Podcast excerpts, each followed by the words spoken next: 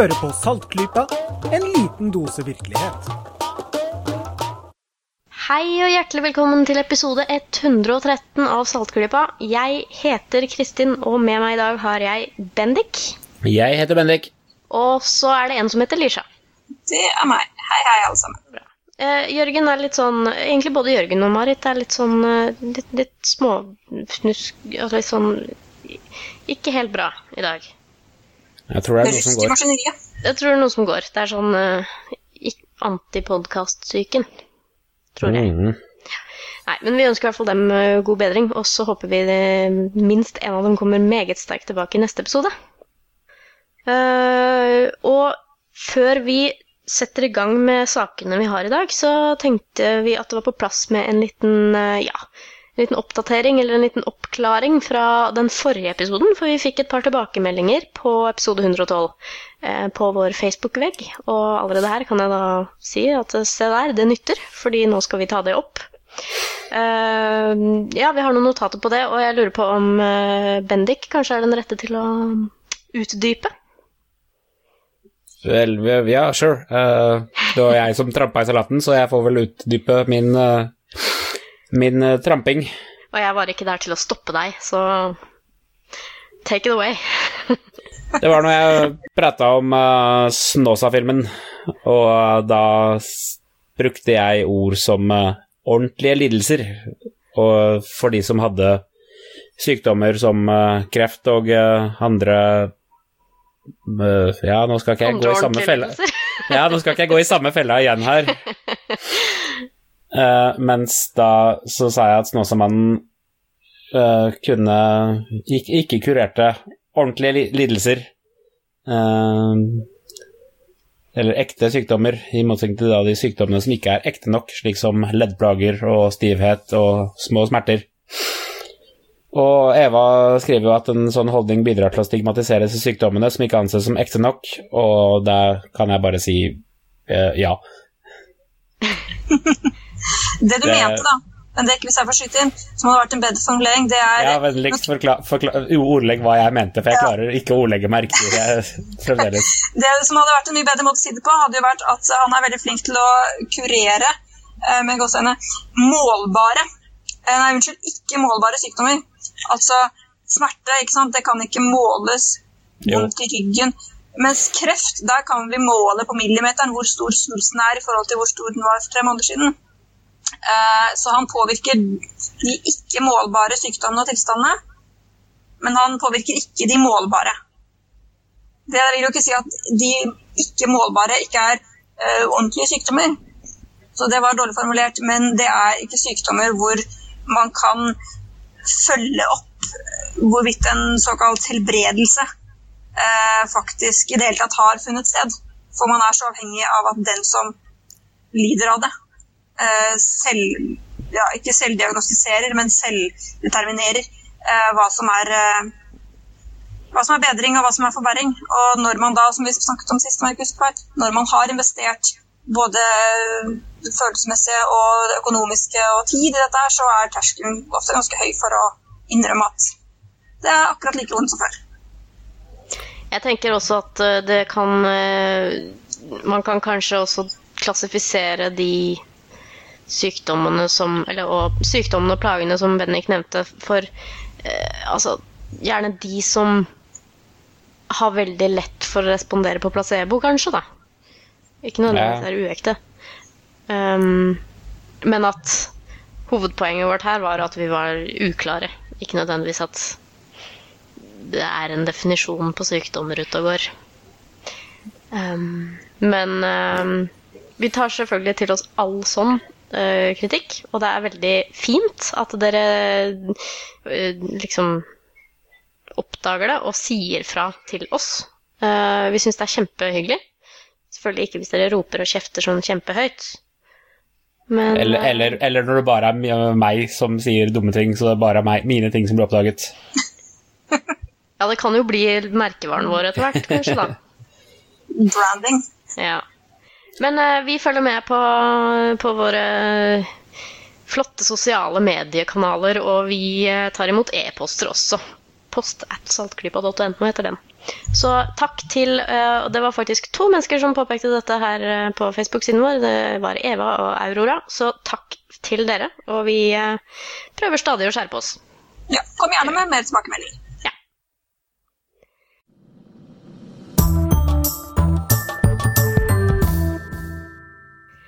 Vi skal ha noen nyhetssaker, og den første er litt sånn Jeg er nesten litt sånn irritert, fordi at hadde vi tatt opp litt senere, så kunne vi hatt litt mer å si. Uh, fordi for et par-tre episoder siden, jeg husker faktisk ikke helt når det var, men for et par-tre episoder siden så nevnte jeg at det var ferske rykter i fysikken og i fysikkmiljøene om at uh, det muligens kom til å bli annonsert snart at man endelig har fått oppdaget uh, gravitasjonsbølger som fenomen i universet. Eh, jeg går litt mer inn på hva det er i den episoden. Um, og det som er nytt nå, er at uh, det er blitt annonsert og kunngjort i det store og det brede at nå skal det være masse pressemeldinger og sånn. Og det er en stor uh, media-event da i morgen ettermiddag, selvfølgelig. Etter at, dagen etter at vi tar opp dette her. Uh, hvor LIGO, altså som er den uh, det observatoriet som driver og jakter på gravitasjonsbølger, skal eh, ja, gi en liten pressekonferanse, rett og slett. Og um, dette har da blitt uh, til små saker i liksom, alle seriøse medier rundt omkring. Scientific American og Science Magazine, og de roper hurra og er veldig, veldig spente. Jeg tenkte jeg skulle si litt om uh, å ta ta litt ut fra en eh, Scientific American-blogg som har blitt skrevet om dette her, om hvorfor faktisk dette er så stas. Um, og uh, der blir annet uh, Kip Thorne, som er en ganske, ganske berømt ja, generell relativitetsforsker, da. er han relativt kjent? Han er relativt kjent. Det, det, ja, faktisk også i dobbel betydning, for det, det, spørs jo litt hvor inni du er fysikk og sånn. Og han, han har faktisk sagt, og det står i dette blogginnlegget på Scientific American, han har sagt da i 1987 i en, uh, en bok her jeg kan sitere if cosmic, if, if cosmic gravitational waves can be detected and studies, studied, they will create a revolution of our view of the universe comparable to or greater than that which resulted from the discovery of radio waves. Og uh, Ting tar litt tid i fysikkens verden. Tar litt, det, ting tar litt tid, men altså nå kan det da hende at uh, en god del tiår senere så Ja, kan det hende vi faktisk kan konkludere med at nå har vi sett gravitasjonsbølger. Eh, det han sa om at det kan sammenlignes med oppdagelsen av radiobølger, vil jo være såpass kult, da. Fordi at eh, altså, den gang vi, vi, oppdaget radiobølger, så ledet jo det til en helt ny måte å observere uh, verdensrommet på. Fordi da, før det, så hadde vi jo ikke sett uh, radiogalakser, altså galakser som syns kun i radiobølger. Uh, kvasarer f.eks., som er sånne kjempeenergirike, veldig, veldig, veldig, veldig fjerne aktive galakser. Men, men eh. også, når, når, du sier oppdaget radiobølger, ja. mener du da oppdaget radiobølger i, fra verdensrommet i astronomisk forstand, eller at vi begynte å bruke radiobølger til dagliglivet, at vi begynte å sende radio? Uh, og motta radio. I, I denne artikkelen her så regner jeg selvfølgelig da med oppdagelsen av radiobølger som et eller annet som faktisk er en greie i universet. Uh, Fordi når jeg hører 'oppdag radiobølger', så tenker jeg da på at radioen ble oppfunnet, og ja, det hadde en ganske stor innvirkning på dagliglivet vårt. Ja. Eh, ser vi for oss at gravitasjonsbølger kan ha en effekt på dagliglivet vårt? Eh, gravitasjonsbølger har bare noe å si for veldig, veldig svære og tunge ting og veldig, veldig voldsomme reaksjoner. Så dagliglivet nei. Eh, det som det kan gjøre, og grunnen til at de sammenligner med radiobølge altså eh, er at eh, vi kan tenke oss at vi nå kan bruke det som en ny måte å se ting på i universet, som vi tidligere ikke har kunnet benytte oss av. Så nå kan vi måle ting bedre. Det er en helt ny måte å observere og måle på, og kan bety veldig mye for forskning på sorte hull, f.eks. Jeg blir jo veldig fussy, da. Det er jo ikke så veldig Får jo ikke veldig skarpe bilder av sånt. Men det gjør man jo heller ikke med radiobølger, faktisk. Men det er, det er en stor greie nå i fysikkmiljøet. Det er veldig mye spenning rundt denne pressekonferansen, for man ser jo også det at det, det hadde vært litt rart om de hadde annonsert og kunngjort dette så veldig sånn stort og fint, og så hadde de bare sagt at eh, ja, nå har vi sett, og så er det ikke noe der, f.eks. Så mm, det kombinert med ryktene som jeg nevnte i denne episoden Hva var det, 111 eller et eller annet sånt? Eh, kombinert med det at de ryktene som ble spredt, da, var veldig, veldig sånn spektakulære. Det, det, det dreier seg om, er da to sorte hull som muligens kan ha blitt observert og i nær gravitasjonell dans med hverandre, og at uh, gravitasjonsbølgene fra disse da, skal ha blitt observert. Uh, igjen, veldig dumt at uh, vi tar opp på onsdager når denne pressekonferansen skal være på torsdag. Så at neste episode så kommer selvfølgelig alle andre nyhetskilder til nå har rapportert om det allerede. Da er dette gammelt nytt. Da er det gammelt nytt, men sånn er det bare. Vi, vi kan liksom ikke sitte her og bruke eh, arbeidsdagen i morgen på å lage en ny episode. Dessverre. Sånn er det. Dette... Med mindre noen vil betale oss eh, ja. full årslønn, da, selvfølgelig. Newsflash, dette her er ikke dagjobben vår. det er faktisk ikke det. Tro det eller ei. Ja. Så det var, det, det var, den saken. Jeg skal linke til en god del uh, ting som når denne episoden kommer ut, sikkert kommer til å være gammelt nytt. Men uansett. Ja, det er ikke sikkert at alle våre lyttere følger med på dette i detalj, av den type nyheter. Men Sånn sett så håper vi at vi kan uh, ja, informere folk litt om mm. ting de kanskje ikke hører noe om. Ja. Og det er jo ikke alle andre medier som har en Kristin til å forklare. Nei, jeg skal ikke si Det ble ikke så mye forklaring av gravitasjonsbølger denne gang, men jeg kan jo liksom få da lytterne til å høre på den episoden hvor jeg faktisk prøvde å forklare litt. Så slipper jeg å gjenta meg selv. I hvert fall. Eh, spennende, og det er som sagt et nytt område i fysikken da, som endelig kan på en måte bli, begynne å bli fastslått, og ikke bare være en sånn svevende liten hypotese der ute.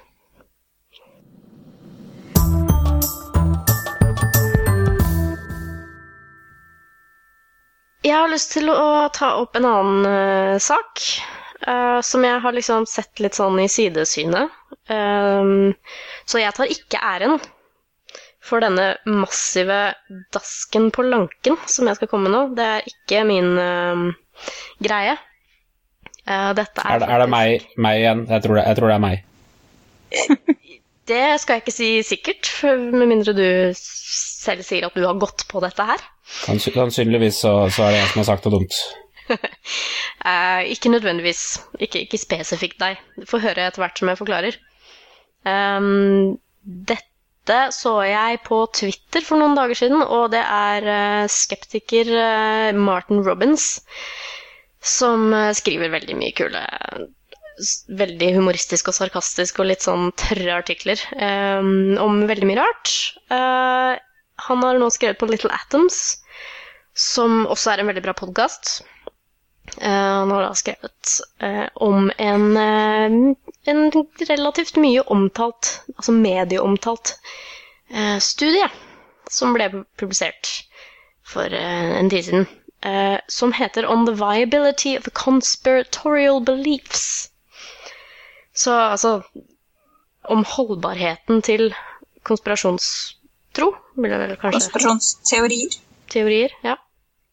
Uh, den ble publisert um, av en fyr som heter David Grimes i PLOS, PLOS1 Plus One. Eh, det er en helt legitim fagfellevurdert uh, journal. Den er open access, så utgangspunktet er jo det kjempebra, det. Uh, det er da altså sånn uh, for det første så er det i utgangspunktet en veldig, veldig kult utgangspunkt da, til denne artikkelen her. det er mange premisser som, som skeptikere spesielt kan ikke veldig gjenkjenne til. Uh, så det handler, seg, handler altså om konspirasjonsteorier. Uh, og et av de punktene som blir tatt opp i den studien, er f.eks. det at hvis den og den konspirasjonsteorien skulle være sann, uh, så måtte det jo et sykt antall mennesker til som måtte være med på det og holde kjeft. Ikke sant? For at det fremdeles skulle være en sånn uoppdaga konspirasjonsteori, da. Ja, man, Månelandingen var en halv million mennesker som jobba på eller noe. Ja, så. jeg har hørt noe sånt som 400 000 eh, måtte holde kjeft for å, at den i det hele tatt skulle gå gjennom. Eh, klimasaken også, ikke sant. Altså klimaforskningen, det er snakk om titusener av forskere. Som eh, jo er eh, enige i, i sine forskninger, og de måtte da alle være med på det, som det heter. Ja, og det må jo også være på et eller annet vis så må det da ha blitt avtalt at de skal være enige om det. Og mm. den avtalen kan heller ikke lekkes. Nei, altså det måtte være et helt sinnssvakt stort Skype-møte liksom, da, mellom alle ja. de, og så bare Ja, da stemmer vi på det, og hæ, vent, jeg mista internett Altså sånn. Ja, Tidenes største Google Hangout. Ikke sant. Det, altså, vi klarer jo knapt med tre-fire stykk uten at noen faller ut. Uh, Newsflash, folkens. Det tar mer enn 40 minutter å ta opp en episode av Saltgruva. jeg måtte skifte headset i dag igjen, fordi mikrofonen min, som er så fin i utgangspunktet, den begynner å feige ut, rett og slett. I hvert fall. Eh, jo flere som er med på en konspirasjonsteori, det kan vi også være enige om, eh, da skulle man jo logisk nok tro at altså, jo flere som er med på det, jo større er sjansen for at sannheten lekker ut før eller siden. Og da kan man jo igjen forestille seg at kunne, man kunne finne en matematisk sammenheng da, mellom hvor mange mennesker som er med på noe, versus da hvor lang tid det tar før en konspirasjonsteori lekker ut og blir oppdaget. Eh, så ehm, det spurte da den personen David Grimes seg, og i artikkelen på Little Atom så svarer Martin Robins noe som uh, kan oversettes til norsk som eh, Nei, det er ikke sånn du gjør statistikk. Det var liksom mm. sammendraget til denne utrolig festlige artikkelen som han har skrevet. Um, så for å gjøre en sånn studie, da, vi trenger datapunkter. Det er jo veldig hyggelig å ha. Uh, i, da i form av faktiske konspirasjoner som er lekket til offentligheten. Altså at konspirasjonsteoriene har gått, å, gått over til å bli en faktisk konspirasjon, ikke bare en teori. Eh, antall datapunkter David Grimes har eh, i denne, denne studien, eh, tre stykk. Stort sett sånne ganske massive konspirasjoner fra USA. Eh, litt sånn sikkerhetslekkasjer og sånn. Og så sånne eksperimenter og sånn som er gått gærent. Så um, så, og, og, i hver av disse datapunktene så har man da i tillegg gjettet omtrent vilt på hvor mange som var involvert da, det, i den, det spørsmålet. Hvor det er som måtte være inkludert i denne konspirasjonen, ikke sant. Uh, altså snakker om at det, man kan si at det kan ha vært med 30 000, ikke sant? men det kan like godt ha vært med 30, hvis man liksom tar bort alle kontormedarbeiderne og vaktmesteren og sånn.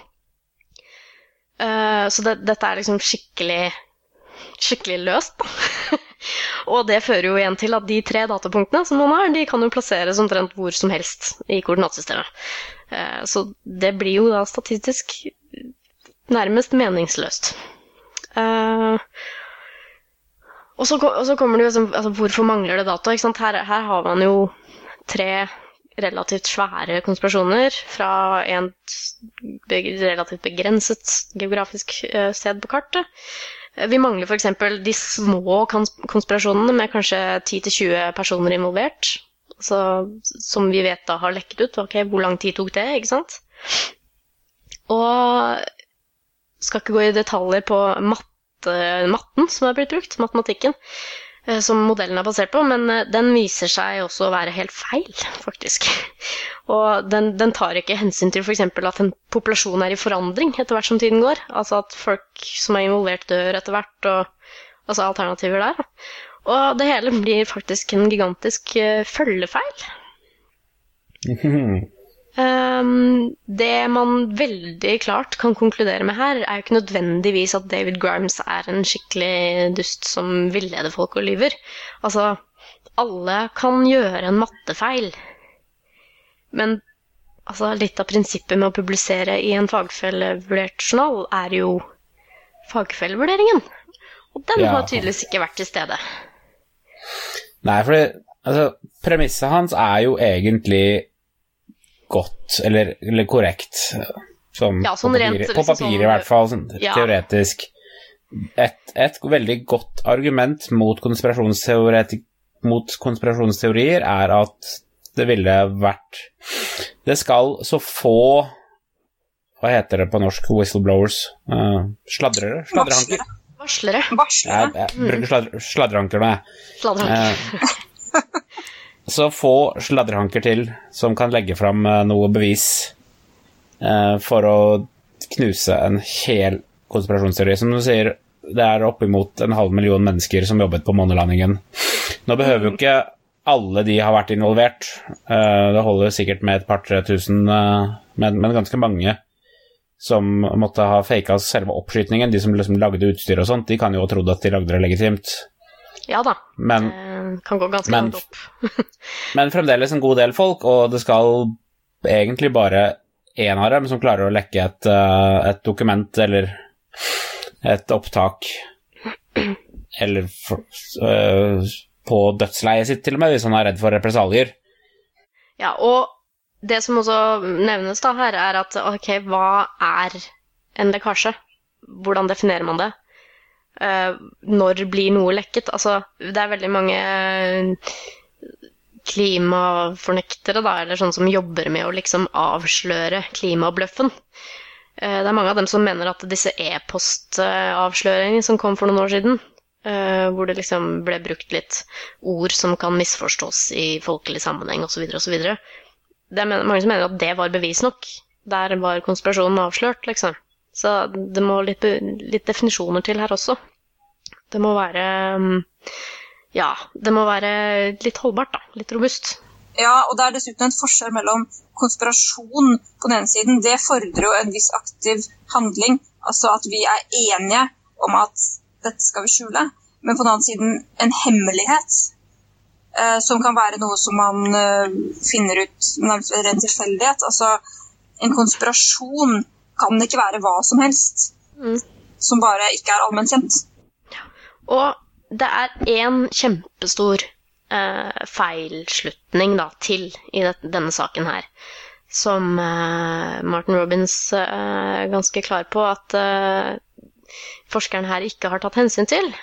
Og det er jo det faktum at eh, altså Hvordan vet du at du At de dataene du har, er alle konspirasjoner som egentlig er konspirasjoner, og ikke bare teorier? Altså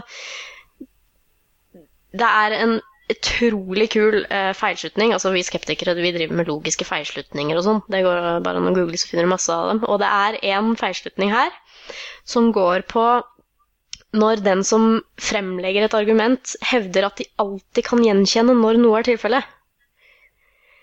Er det noen som vet hva det, et veldig kult kallenavn på den feilslutningen er? Bendik-feilsetningen. Du må ikke ha sånn dårlig selvtillit nå. Nei, den er faktisk blitt kalt for tupé-feilslutningen. Ja, den, Ok. Hvis dere, skjønner, hvis dere skjønte den?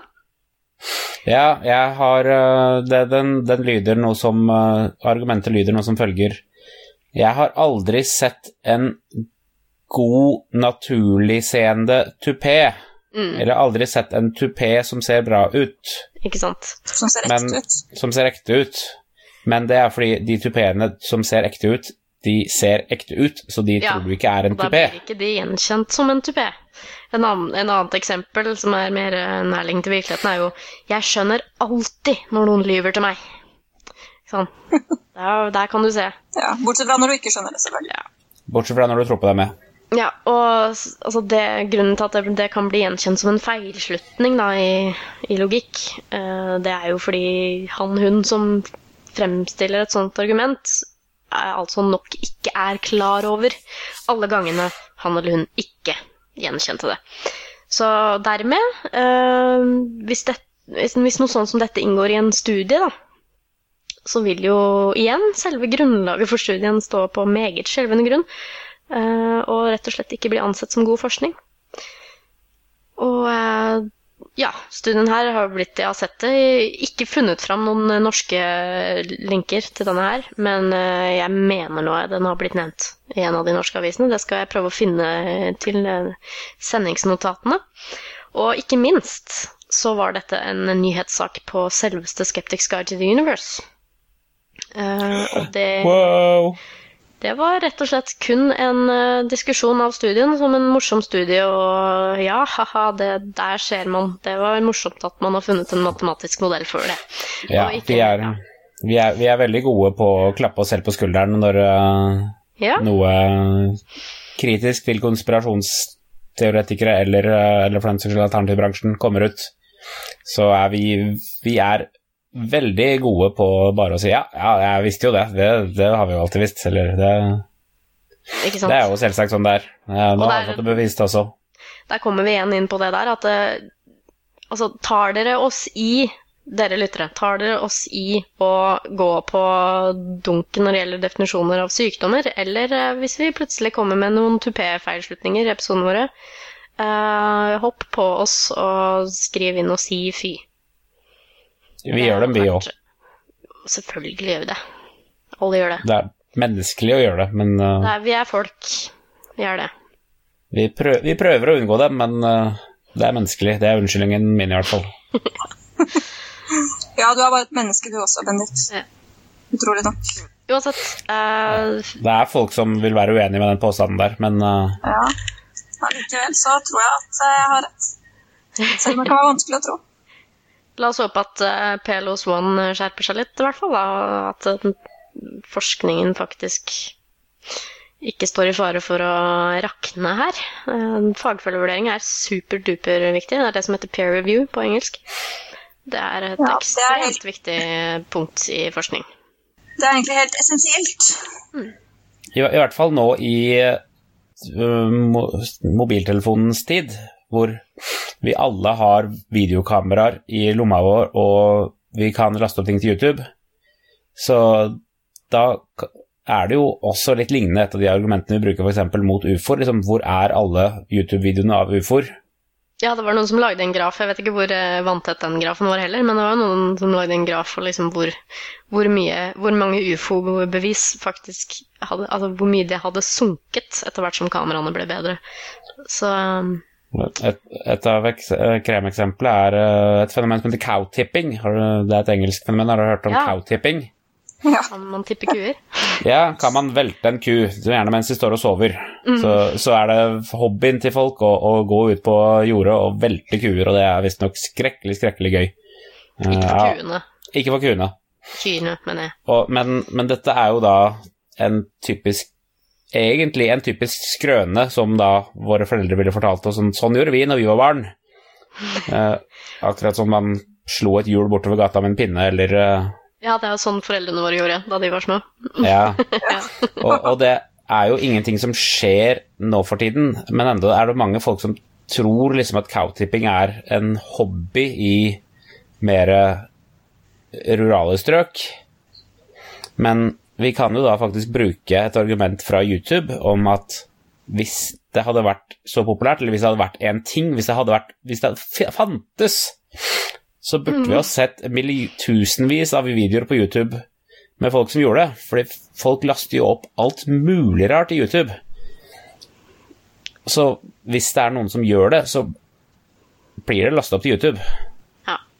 Eh, En, og det kan, det kan virke begge veier, dette her med at vi får mobiler og at internett utvikler seg og sånn, fordi at ikke bare får vi flere sjanser til å dokumentere, men vi blir også veldig, veldig, veldig late når det gjelder å lese lange, lange utredninger, og det liksom blir stort sett 140 tegn, altså vi begrenser oss til å lese overskrifter og tweets om ting, og så tar vi det for god fisk. Jeg gadd ikke lese hele artikkelen. Jeg leste bare overskriften på den saken vi sitter og diskuterer nå. Ja, ok. Og da mener du selvfølgelig Martin Robins sin artikkel, ikke selve Nei, or originalen. Ja. Mm. Den, den gadd jeg, ikke- eh, den gadd jeg ikke lese. jeg- leste leste overskriften og tenkte ja, det stemmer, man burde kunne Det stemmer sikkert, man burde kunne dedusere Eller vi, har, vi kjenner til argumentet, så, så man må jo kunne matematisk si at folk over tid er lik uh, plapring. Ja. Så Og det er nok eh, Det kan godt hende det er en matematisk sammenheng. Uh, altså det er jo veldig grunnen til en eller annen slags hypotese her. Uh, men når faktisk matten og statistikken blir gjort feil, og det blir følgefeil ut fra det, og det i tillegg kommer litt sånn feilslutninger på toppen av alt det, så da må man, syns jeg man bør gå tilbake til start, altså. Begynne litt på nytt. Få litt flere datapunkter. Og skjerpe seg med med statistikkprogrammet sitt. Få litt flere til å se på det. Og se her, liksom. Og gjerne få litt flere eksempler. De hadde vel Hadde vel bare tre, datapunkter. tre datapunkter i den uh, casen, ja. Ja. Og de var ganske, jeg holdt på å si De var Varierende. relativt like i omfang og ja, sånn. Så du hadde liksom ikke hele spekteret. Uansett hvor, hvilket spekter vi har hatt, så er tre veldig, veldig veldig lite. Når man skal si noe om noe sånt, så det hadde egentlig ikke mm, Ja. Det er altfor lite. Det skal mye til for å lage en kurve ut fra det. Spesielt når man ikke klarer å, å, å plassere de riktig på X-aksen og sånn en gang. Og X-aksen var jo igjen her, altså hvor mange er involvert, ikke sant. Så ja. Sånn er det.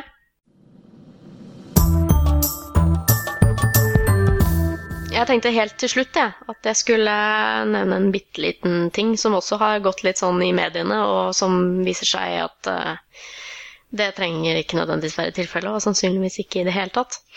Det var um, en, um, en sak fra India, faktisk. Eh, mange indiske aviser som rapporterte dette, og mange andre medier rundt om i verden som uh, plukka på det. Igjen, jeg så dette på Twitter, litt sånn der eh, rundt omkring for noen dager siden, at eh, det var eh, eh, en meteoritt. Altså en, en meteor som far gjennom atmosfæren og dunka i bakken, og på vei ned så tok han med seg en eh, bussjåfør. Og skada tre mennesker, i tillegg til han bussjåføren som eh, da døde. Men det kan ikke ha vært en meteoritt fordi det var en meteor, fordi denne tingen her bytter jo navn avhengig av hvilken stad det er. Vent nå litt. Ja. Met meteoritt eh, heter det når det har skjedd, kan du bare si. Hvor, Det- Nå skal du få lov å svare for alle astronomer her. Hvorfor er dere idioter på dette feltet her og krever at eh, det heter en meteoroide når den er ute i verdensrommet, og en eh, meteor når den er på vei inn i atmosfæren, og en meteoritt når det har landet? Jeg tror Jeg skal ikke si noe fakta her, men jeg tror det er fordi at man, man begynte liksom i midten med en eller annen definisjon. Og så plutselig så fant man ut at man måtte ha navn på andre ting også. Det vet jeg ikke. Det kan godt hende at det er geologer som har litt av feilen her, altså. Ja, jeg har skyld på andre yrkesgrupper. Fraskriv meg ansvaret litt. Vi bruker jo ikke asteroide, asteoritt eller asteronom på Asteor. Men eh, en, astero, men en asteroid, det ville jo blitt uh, ikke veldig mye igjen av jorda hvis den hadde truffet. Altså, det er bra at det ikke finnes, da. Ikke sant? I, i, hvert fall. Eh, nei, det var meget høyt sannsynlig ikke en meteoritt. Ettersom, altså det ble jo mer og mer eh, klart ettersom eh, flere og flere fagfolk eh, fikk nyss om nyheten og begynte å se på dette her. Eh, det som vitner har forklart, og det som har blitt tatt bilde av her, det var et krater. Det er jo greit. Det kan jo godt hende at det fins. og, og, og hvorfor lander disse tingene alltid i krateret? Ja, det er uh, tidenes største høna og egget-tanke, altså. Tenk dere det, Mm. folkens. Er det ikke litt tilfeldig at meteoritter er alltid lander i krateret? makes you think. Mhm. Absolutt. Du distraherer meg veldig nå, Bendik. Jeg skal bare gjøre meg ferdig med den her veldig veldig kort. Vi så et krater. Det var fem eh, fot i dybde. Nå leser jeg fra en, en engelsk sak, så jeg sier sånn fot og furlongs og sånn. Og to fot bredt eh, krater. Pluss at vitner hørte en eksplosjon. Og så har man da hørt om eh, politiet som har eh, funnet en svart eh, stein fra dette stedet her, da, som det har skjedd. Ehm, så er det da en uh, Chief Minister of the State, uh, hva nå det er uh, i, i, der som det har skjedd, som skulle gi kompensasjon for familiene til bussjåføren og de andre tre som ble skadd. Dette da ble rapportert i Times of India. Nå skriver New York Times en liten notis på dette her.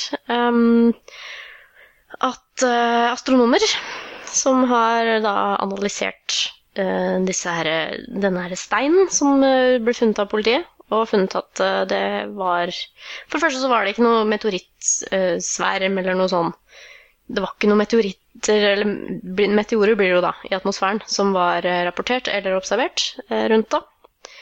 Og det er altså det, det, det stemmer ikke. Altså sammensetningen til den steinen stemmer bare ikke med, med en eh, meteoritt. Eh, fra NASA så kommer det også kommentarer om at det er meget mer sannsynlig at det var en eh, såkalt eh, bakkebasert eksplosjon. eh, heller enn noe fra verdensrommet.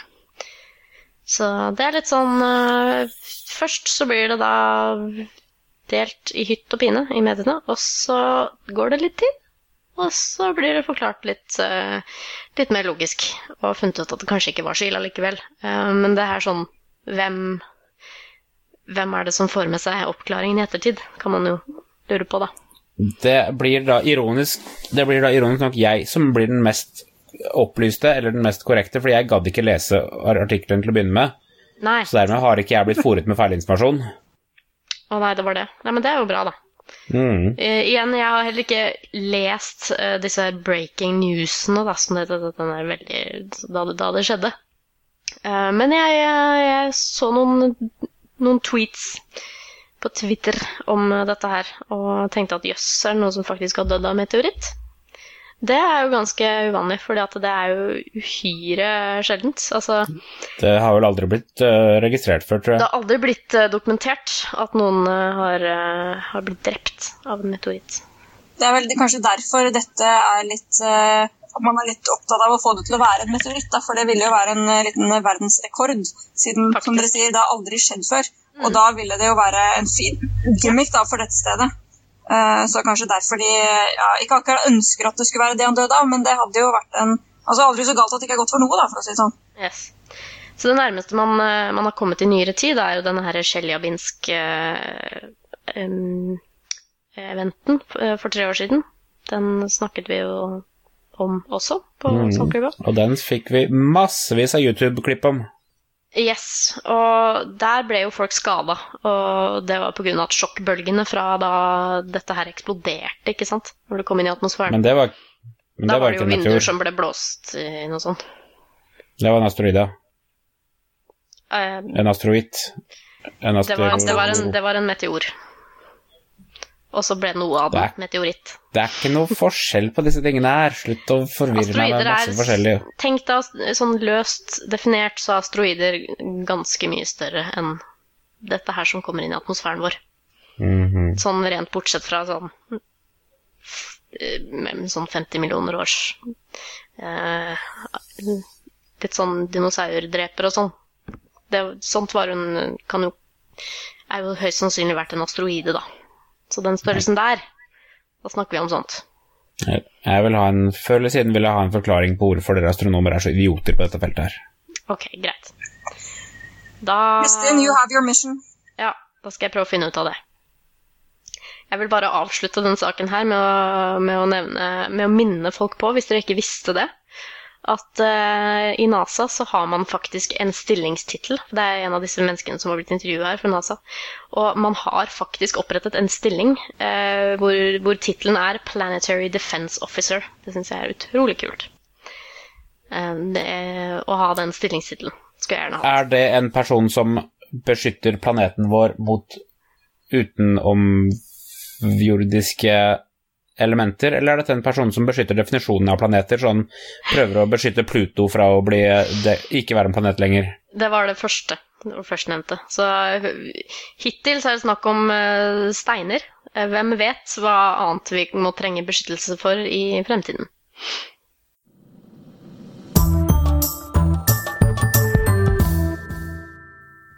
Yes. Det var vel egentlig det vi hadde. Jeg hadde litt sånn derre medieklask på lanken i dag. Og så får vi jo sjekke om det blir noe av gravitasjonsbølgene, da. Spennende. Mm. Egentlig så tenker jeg vi skal gå over til anbefalingene våre nå. Og Lisha, du har, du har lest en bok igjen, du? Ja, jeg har eh, sannelig jeg har lest eh, mange bøker. Jeg har lest stadig bøker, men nå har jeg lest en som jeg syns var eh, Verdt å anbefale i salgklubba? Ja, eh, for en sånn som meg, som syns det er veldig interessant å se hvordan Altså, alt henger sammen med alt. Så syns jeg denne boka var uh, utrolig spennende. Det er en eh, non-fiction-bok som handler om uh, hva skal man si, den uh, moderne heroinepidemien i USA. Den heter Dreamland. Og den er skrevet av en journalist som heter Sam Quinones. Jeg hadde ikke hørt om han, men han har skrevet tidligere ganske mye artikler. Da. Han jobber på uh, LA Times blant annet. Og han har skrevet mye artikler om, um, om Mexico, da. Om grenselandene mellom eh, USA og Mexico. Og han har reist en del i Mexico. Jeg tenker meg med det navnet, da, Quinones, så er han av meksikansk opphav. Det skal jeg ikke si at jeg har eh, er så mye nedre, men jeg kan tenke meg det, forstå det som han snakker spansk også. Uh, og han fikk uh, Denne boka den kom for et, ja, et knapt år siden, i april i fjor, men jeg har ikke lest den før nå. Uh, han fikk et eh, tips i forbindelse med Han skulle skrive en sak om heroinsmugling. Eh, og når han begynte å grave i det tipset, så ble det da en hel bok.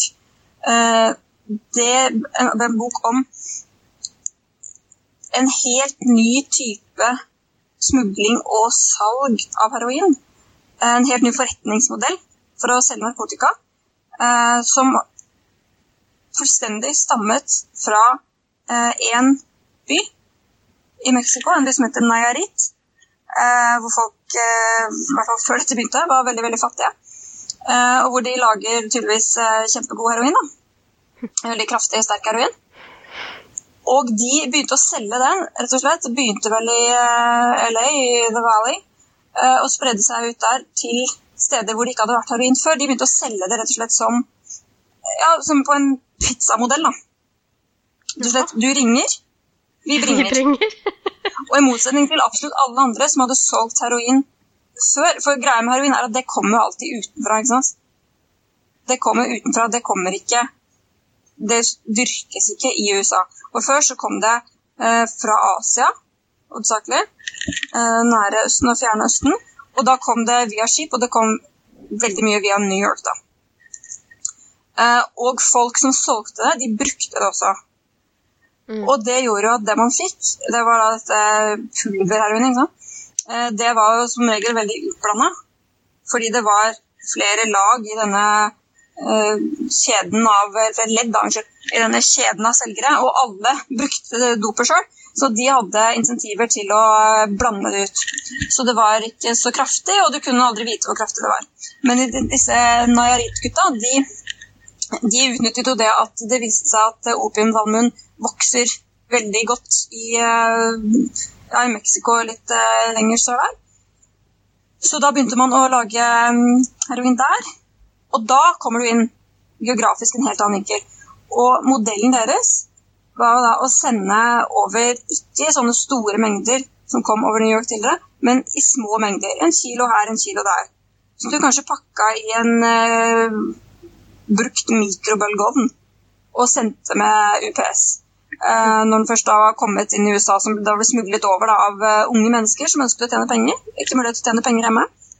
Ja, så da hadde man jo et nesten unending supply av unge folk som ville reise til USA for å tjene penger på å heroin. Og de brukte ikke, eller bruker, de holder fortsatt på, de bruker ikke heroin sjøl. Og derfor så klarer man å holde, jeg å holde det flytende, holde kontroll på det på en helt annen måte, for heroinmisbrukere er jo som kjent ikke de mest pålitelige. Eh, Men dette her var jo ikke heroinmisbrukere, det var eh, sjåfører som var nærmest ja, pizzabud. Eh, De hadde med seg denne heroinen som var det man kaller black tar. Altså som tjære. det er jo fuktig og seigt. Og det er, det er alltid like kraftig, for de blander ikke ut. De har ikke noe interesse av å blande det ut. De får betalt per uke for et par tusen dollar for den perioden de jobber. De pakker det i eh, ballonger. De har ballongen i munnen, og de har bare kanskje en 20-30 stykk. Og det er ikke nok til at du får fengselsstraff. Disse som begynte dette, de hadde jo satt seg inn i lovverket, ikke sant? og de visste at det var bare deportasjon som var straffen, ikke fengselsstraff. Mm. Og det var jo et uendelig antall av disse som man kunne hente opp som nobeldeportert. Så får det bare flere, ikke sant? Og de spredde seg da utover fra California og ut i byer hvor du kan si det ikke var noe motstandskraft mot det, fordi heroin hadde aldri vært der før. Og dette det er det som gjør den boka så interessant. Da. Dette sammenfalt i tid med det som man må kunne kalle smerterevolusjonen i USA. Eh, nemlig at man introduserte først og fremst Oxycontin, men også andre etter hvert tilsvarende midler, da, så ble solgt som kraftig smertestillende som ikke gjør deg avhengig. Fordi de har denne time release-mekanismen som gjør at det, den smertestillende effekten den spaces ut over tid, kanskje over et halvt døgn. Og da får du ikke påstås det, dette rushet da, som gjør at du blir avhengig av slike medikamenter. For Oxycontin virker så for Oxycontin, det er jo egentlig heroin. Strengt tatt. Så er det jo ikke akkurat noen nevneverdig forskjell. Men problemet var da at på Oxycontin-forpakningen så sto det dette må du ikke gjøre, dette medikamentet. Og det var jo da oppskriften på hvordan du skulle få dette rushet. Ja, okay. Omgå den uh, time release-greia og få dette rushet. Så folk ble avhengig av uh, Oxycontin og tilsvarende midler. Uh, og når man etter hvert skjønte at det er jo liksom, leger som har startet opp uh, sånne pillefabrikker nærmest, hvor de skriver ut ekstremt kraftig smertestillende for hva som helst, det var dessverre en annen del av smerterevolusjonen. Dette her at Før så tenkte man sånn at kraftig smertestillende det gir du for kraftige smerter. Ikke sant? Du gir f.eks. bare morfin til døende kreftpasienter. Ikke sant? Du gir ikke kraftig smertestillende for eh, ryggsmerter og andre ting som folk nesten bare får sakker opp. Men det begynte man jo å gi, ikke sant? fordi avhengighetsfaren var jo ikke reell, påstår man. Eh, men det viste seg at den var. Så folk ble jo avhengig like mye av oksykontin som av heroin. Og når da man begynte å prøve å kutte pilletilførselen, så kommer disse gutta fra Nairit med sin black tar og fyller opp det. Og han skriver om uh, diverse små lokalsamfunn. Han har reist masse rundt disse stedene uh, og truffet mennesker som har fått livene sine rett og slett bare totalt rasert. Men han skriver også om forholdene i Nairit og de omkringliggende småbyene der, og hvorfor du reiser til et annet land og legger eh, andre menneskers liv i ruiner. For dette har vært veldig sjokkerende for mange mindre kommuner, siden heroin har vært noe som man ikke har trengt å bekymre seg om. ikke sant? Hvis man bor i hans stjerneeksempel, Portsmouth, Ohio, så har du ikke tenkt å bekymre deg om det, fordi det er sånt som skjer i New York og andre steder. Og de som har dødd av dette her, det er jo personer som 20 år tidligere aldri ville ha kommet i kontakt med heroin i det hele tatt. Det er nesten bare hvite. Og det er til veldig unge mennesker. High school-elever, folk på college. Altså det, er, det er en helt ny gruppe. Uh, og det er klart, De har ikke nå tenkt å dra noe sted. ikke sant? Uh, dra til farlige steder. Uh, Skid Row, the wrong side of the tracks. Nå har de bare kunnet ringe en fyr, og så kommer man bokstavelig talt og leverer heroin. Kanskje ikke akkurat på døra, men du kjører ned til lokal McDonald'sen, og så spytter han ut noen ballonger med heroin og så får du det. Uh, og han har jo truffet både folk som har blitt påvirket av dette, folk som har vært avhengige, prøver å komme seg inn, folk som har mistet noen, uh, folk som har jobbet med distribusjonen, folk som har vært helt sentrale i rett og slett uh, å starte opp konseptet. Og det er altså utrolig mange en serie med innfallsvinkler der som jeg syns er så interessant, og som gjør det vanskelig å egentlig peke ut skurkene. Det er nesten så dette her er en Ikke akkurat en selvoppfyllende profeti, men det, det var som et Ja, det er jo det amerikanere er veldig glad i, da. At kapitalismen driver utviklingen. Her var det et hull i markedet. Og jaggu meg så ble det fullt. Uh, og hele dette her med Oxycontins historie Han skriver også om hvordan dette kunne skje. Da. Hvordan ble leger påvirket til å skrive ut dette? Hvordan fikk man dem til å tro at du kan ikke bli avhengig av historiens sterkeste smertestillende? Uh, han skriver om reklamebransjen og hvordan den forandret seg når det gjelder reklamering for og salg av legemidler. Så det er altså veldig mange felter han er innom i denne boka her. Og han viser så flott hvordan en masse forskjellige ting henger sammen med masse, masse andre forskjellige ting. Og det er også veldig godt skrevet. Han er som sagt journalist og har skrevet en masse artikler om ja, beslektede emner før. Og det synes jo han er, er virkelig en uh, dyktig forfatter. Han snakker med law enforcement, han snakker med egentlig alle involverte. Og jeg vil si at denne boka her, 'Dreamland', sagt, av Sam Kunomis, den anbefaler jeg virkelig for ikke bare de som er interessert i det type emner, men rett og slett for å lese om hvordan så mye henger sammen med så mye annet, og hvordan man skal skrive om at ting henger sammen med andre ting. Eh, for han kommer inn fra x antall forskjellige vinkler og samler det gjennom boka, samler han trådene til eh, ja, et veldig spennende og interessant bilde. Så denne boka anbefaler jeg virkelig. Den som sagt er bare et snart snatt år gammel. Ja. Dreamland. Så bra. Eh, jeg kom på noe eh, som jeg ikke har notert meg, men som jeg tenkte jeg skulle anbefale nå. Ja. Eh, det er en boklansering. Som eh, hvis dere da hører på denne episoden når den kommer ut første gang, eh, Eh, så eh, har dere nytte av denne anbefalingen. For den 15. februar, som da er førstkommende mandag, eh, er det en boklansering på Litteraturhuset, hvor da det er Mime forlag som, som slipper boka 'Uthengt ydmykelse og skam på nettet'. Og dere som liker forfatter John Ronson, vil nok heller gjenkjenne tittelen som 'So You've Been Publicly Shamed'. Uh, jeg har ikke lest den. Vi måtte jo anbefale en som ikke vi har lest også. Det er jo tradisjon her i Klippa. Men jeg anbefaler John Ronson generelt, fordi at eh, jeg, jeg, elsker alt han skriver. Han skriver på en fantastisk måte. Litt, Bitte litt involvert i skeptikermiljøet også, litt sånn i, i England osv. Uh, skrev jo blant annet uh, 'Menn som stirrer på geiter' og han er, uh, han er veldig sånn uh, Veldig sånn dyptgravende journalist, da. Og en utrolig Utrolig morsom fyr. Og han, han lager veldig stor, alvorlig underholdning, da. Av alvorlige emner. Dype emner. Han har jo søren meg I andre bøker han har skrevet, så har han jo søren meg gått dypt inn i terroristmiljøer og sekter og sånne ting, og liksom levd blant sånne folk, da, og skrevet vanvittig kule ting om det. Uh, så jeg har ingen store betenkeligheter med å uh, anbefale denne boklanseringen, som da er den norske oversettelsen av uh, boka So You've Been Publicly Shamed. Eh, det er i, eh, litteratur, på Litteraturhuset i Oslo 15.2 eh, klokken syv. Så vi skal linke til det. Ja, men det er vel åpent for alle, vil jeg tro. Det bør være åpent for alle. Mm.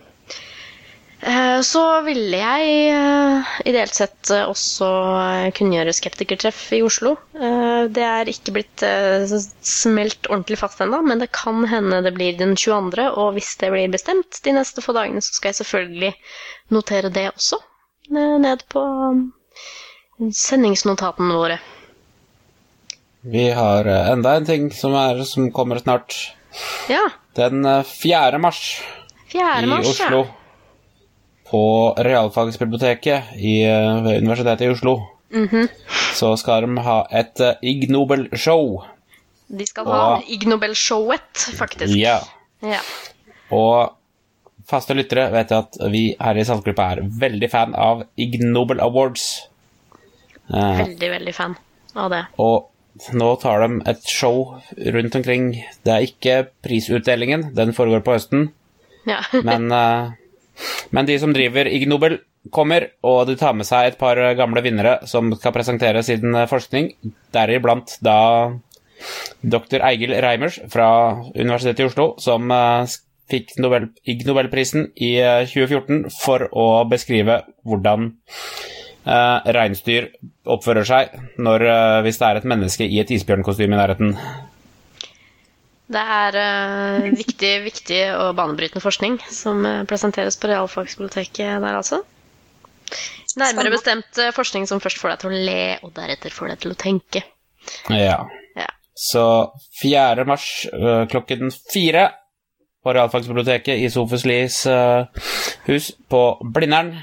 Vi Yes. har tenkt til å være der og skal prøve å få en prat med noen av de som driver showet, hvis tiden strekker til. Så kanskje vi ses der. Og jeg gleder meg veldig til 5. mars, som er dagen etter, for da skal jeg på elektrisk show til Andreas Wahl i, på, i Oslo. Det skal faktisk jeg også. Mm, mm, da ses vi der. Ja. Veldig gøy.